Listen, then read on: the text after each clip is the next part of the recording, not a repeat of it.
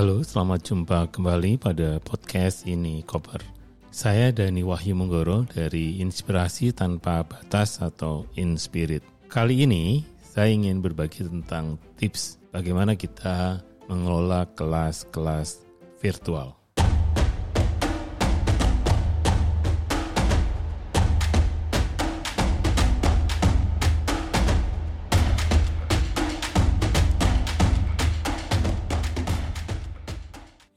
Ada 10 hal yang penting di tips dalam mengelola kelas virtual. Kelas virtual seperti kita ketahui bahwa selama pandemi dan juga pasca hampir-hampir akhir pandemi seperti ini, kelas virtual masih banyak dilakukan dan beberapa memang sudah ke kelas luring, tapi banyak juga yang menggunakan kelas-kelas yang sifatnya hybrid Nah, saya ingin mengulang sebenarnya beberapa hal yang menjadi ketertarikan saya. Bagaimana sebenarnya mengelola kelas virtual yang keren.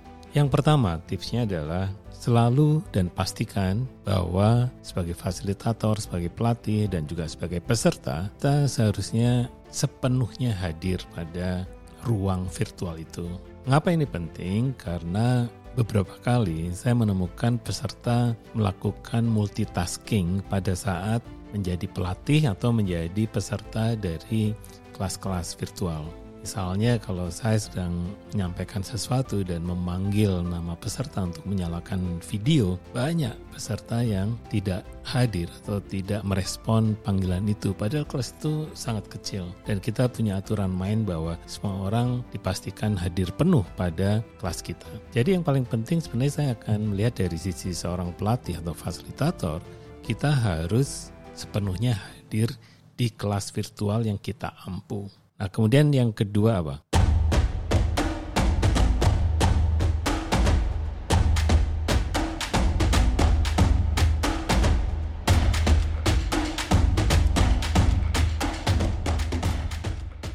Yang kedua adalah menciptakan satu proses yang saling membantu antar peserta, antar fasilitator dengan peserta. Mengapa ini penting disampaikan? Karena pada dasarnya, pada saat kita melakukan kelas-kelas virtual, kita sangat tergantung dari pihak-pihak ketiga. Misalnya adalah sinyal, misalnya internet, misalnya aplikasi yang kita gunakan, selalu saja tidak penuhnya bisa mulus. Kalau mulus syukurlah, tapi sering terjadi kita mengalami gangguan-gangguan yang sifatnya di luar diri kita. Oleh karena itu, di sini yang menjadi menarik adalah bagaimana di dalam proses belajar virtual kita sama-sama saling mendukung. Pada saat kita mengalami kesulitan menggunakan aplikasi, kita harus sabar bahwa semua orang membutuhkan waktu untuk bisa mempelajari aplikasi-aplikasi yang kita gunakan. Dan juga sebenarnya pada saat kita mengalami masalah pada saat presentasi atau sinyal buruk dan sebagainya keluar masuk dari ruang ruang apa platform, lagi-lagi semuanya harus dilayani dan harus dibuat rileks karena memang itu menjadi kebiasaan di dalam proses-proses pembelajaran virtual. Lantas yang lain apa dong?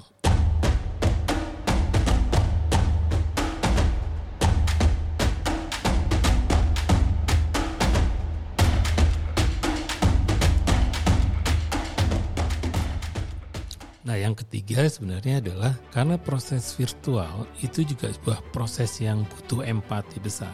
Karena semuanya di dalam situasi yang tidak nyaman untuk belajar sepenuhnya. Syukur-syukur memang mereka yang hadir di kelas kita itu memiliki ruang spesial atau ruang sendiri yang bisa 100% terlibat atau 100% fokus pada kelas-kelas virtual seperti itu. Karena situasinya memang tidak memungkinkan semuanya itu terkontrol. Karena itu disarankan sebenarnya proses belajarnya adalah menggunakan bahan-bahan yang sederhana. Jadi di sini tugas seorang pelatih sebenarnya membuat bahan-bahan, bahan bacaan, kemudian slide, kemudian alat bantu atau pertanyaan dibuat sesederhana mungkin bahkan seringkas mungkin. Jadi itu yang tips yang ketiga, bagaimana kita mengembangkan bahan-bahan konten itu sesederhana mungkin. Nah, yang keempat apa?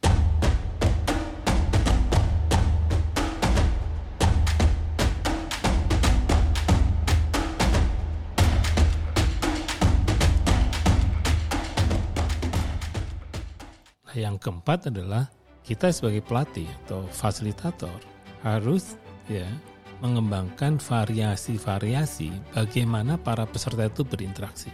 Jadi tidak selalu ada di pleno atau di main room. Bisa kita ya menggunakan board atau breakout room ya. Sese, sebanyak mungkin juga oke okay kalau di ruang Zoom ya bisa 50 ruangan kita buat sehingga peserta bisa dibuat kelompok-kelompok yang super kecil sehingga mereka dipastikan aktif dan berinteraksi dan merespon pertanyaan-pertanyaan dari para pelatih. Variasi ini harus dilakukan tidak monoton tapi selalu digunakan berbagai kemungkinan untuk bisa pada saat breakout pun ya. Itu caranya bisa berbagai cara ya. Apakah otomatis apakah pesertanya aktif apakah bisa keluar masuk dari ruang breakout dan sebagainya. Itu harus dibuat variasinya dari sesi ke sesi dan juga alat-alat bantunya dibuat ya sevariatif mungkin. Kemudian apa yang kelima?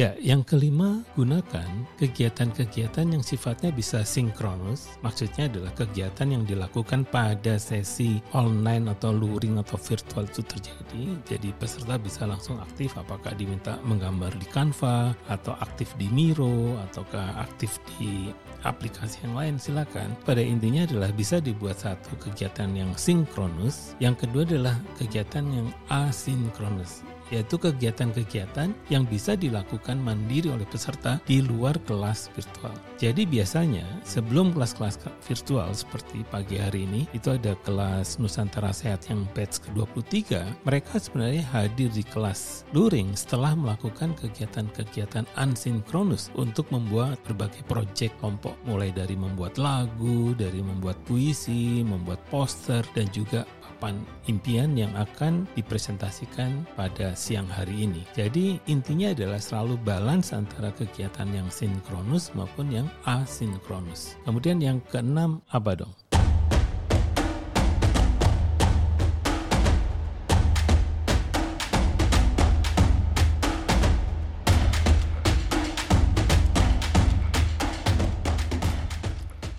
Ya, yang keenam adalah seorang pelatih bisa memberikan umpan balik informal kepada peserta untuk bisa lebih aktif atau merespon apa yang dilakukan oleh peserta pada saat melakukan presentasi, pada saat menyampaikan diskusi di kelompok dan sebagainya karena kita juga ingin melihat keaktifan dari para peserta. Feedback atau umpan balik seperti ini sifatnya adalah bukan kritik, tetapi kita bisa memperhatikan situasi-situasi yang kemudian situasi itu dilihat apakah ada perilaku yang perlu direfleksikan pada situasi tertentu. Nah, kemudian setelah itu penting adalah bahwa situasi dan perilaku itu hubungannya adalah punya impact pada semua peserta atau bagi para pelatih atau bagi peserta itu sendiri. Oleh karena itu di sini kegiatan-kegiatan fasilitator bisa melakukan feedback yang sifatnya informal atau personal feedback yang sifatnya informal bisa menggunakan chatbox, menggunakan WA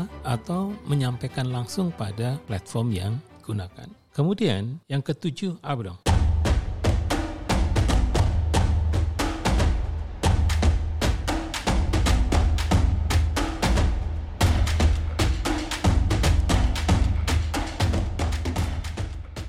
Ya, yang ketujuh adalah bagaimana membuat kelas itu aktif dari awal. Jadi tidak selalu dibuka oleh seorang pelatih atau seorang fasilitator yang mempresentasikan uh, materinya atau tujuan dari sesi itu, tapi bisa langsung ya setiap saat ya diminta peserta untuk memberikan tanggapan baik via chatbox atau via aplikasi-aplikasi yang sekarang sudah bekerja sama dengan Zoom misalnya. Nah, peserta diminta memberikan tanggapan atas apa yang disampaikan oleh para pelatih atau pertanyaan yang dibuat oleh pelatih. Selain itu, selain memberikan tanggapan, peserta juga diminta bisa bertanya. Ini juga menjadi proses interaksi yang menarik. Dan yang lain adalah memastikan ada diskusi yang aktif antar peserta di ruang-ruang yang diciptakan oleh para pelatih atau fasilitator. Dan yang terakhir, yang paling penting di dalam proses belajar adalah proses refleksi refleksi atas apa yang sebenarnya dipelajari dari sesi yang telah diikuti. Nah, kemudian apa yang kedelapan?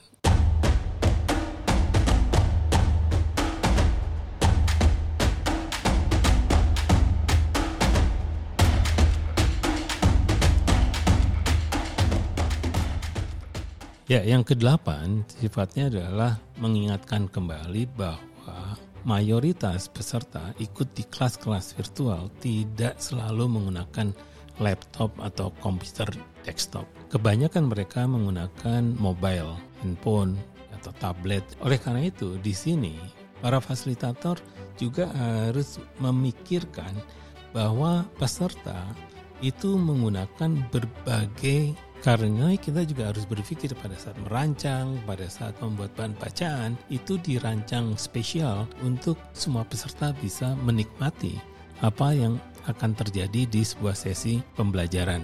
Karena ini misalnya contohnya ya, kalau file misalnya kita buat supaya huruf-hurufnya besar, ya kalau bikin slide itu sederhana mungkin tak tidak perlu animasi, ya kemudian kalau menggunakan video itu juga harus ingat sinyalnya karena video di platform belajar itu selalu patah-patah dan malah tidak membantu proses belajar. Jadi hindari sebanyak mungkin animasi. Ya, kalau toh pengen menggunakan animasi, hanya beberapa animasi yang bisa digunakan di platform belajar digital seperti ini. Karena itu, seorang pelatih dan sangat-sangat harus ya bisa menjadi pejuang sinyal untuk mencari di mana sinyal yang terbaik untuk memberikan kepelatihan. Jadi ini juga penting untuk tahu di mana saja tempat yang sinyalnya bagus saat kita menjadi seorang pelatih. Kemudian apa yang kesembilan?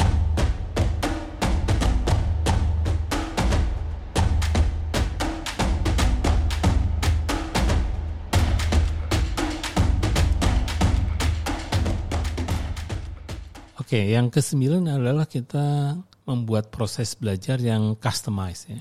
Tidak selalu kita menerjemahkan metode ya sesuai dengan apa yang ada di buku.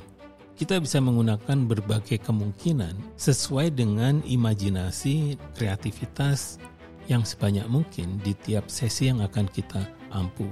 Kalau kita menggunakan Canva misalnya, kita juga bisa mengeksplorasi tidak hanya ya menggunakan teks tapi juga bisa menggunakan bentuk-bentuk visual.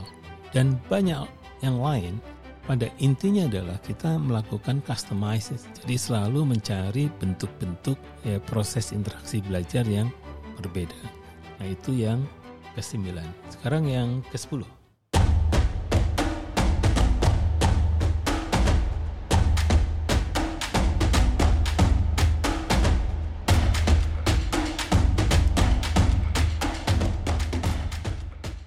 Ya, yang ke-10 adalah mirip dalam proses presentasi apa pun ya waktu kita buat training. Itu yang pertama harus merancang opening dan sekaligus merancang closing yang menarik. Ya, jadi di di sini sebenarnya adalah bagaimana seorang pelatih memulai sesi virtual itu dengan menarik dan juga menutup sesi itu dengan menarik.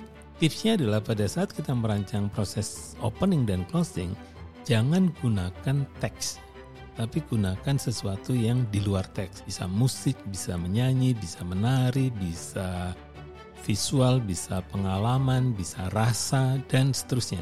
Tapi intinya adalah buatlah opening dan closing yang menarik. Jadi itu saja ya tips untuk kita mengelola kelas virtual.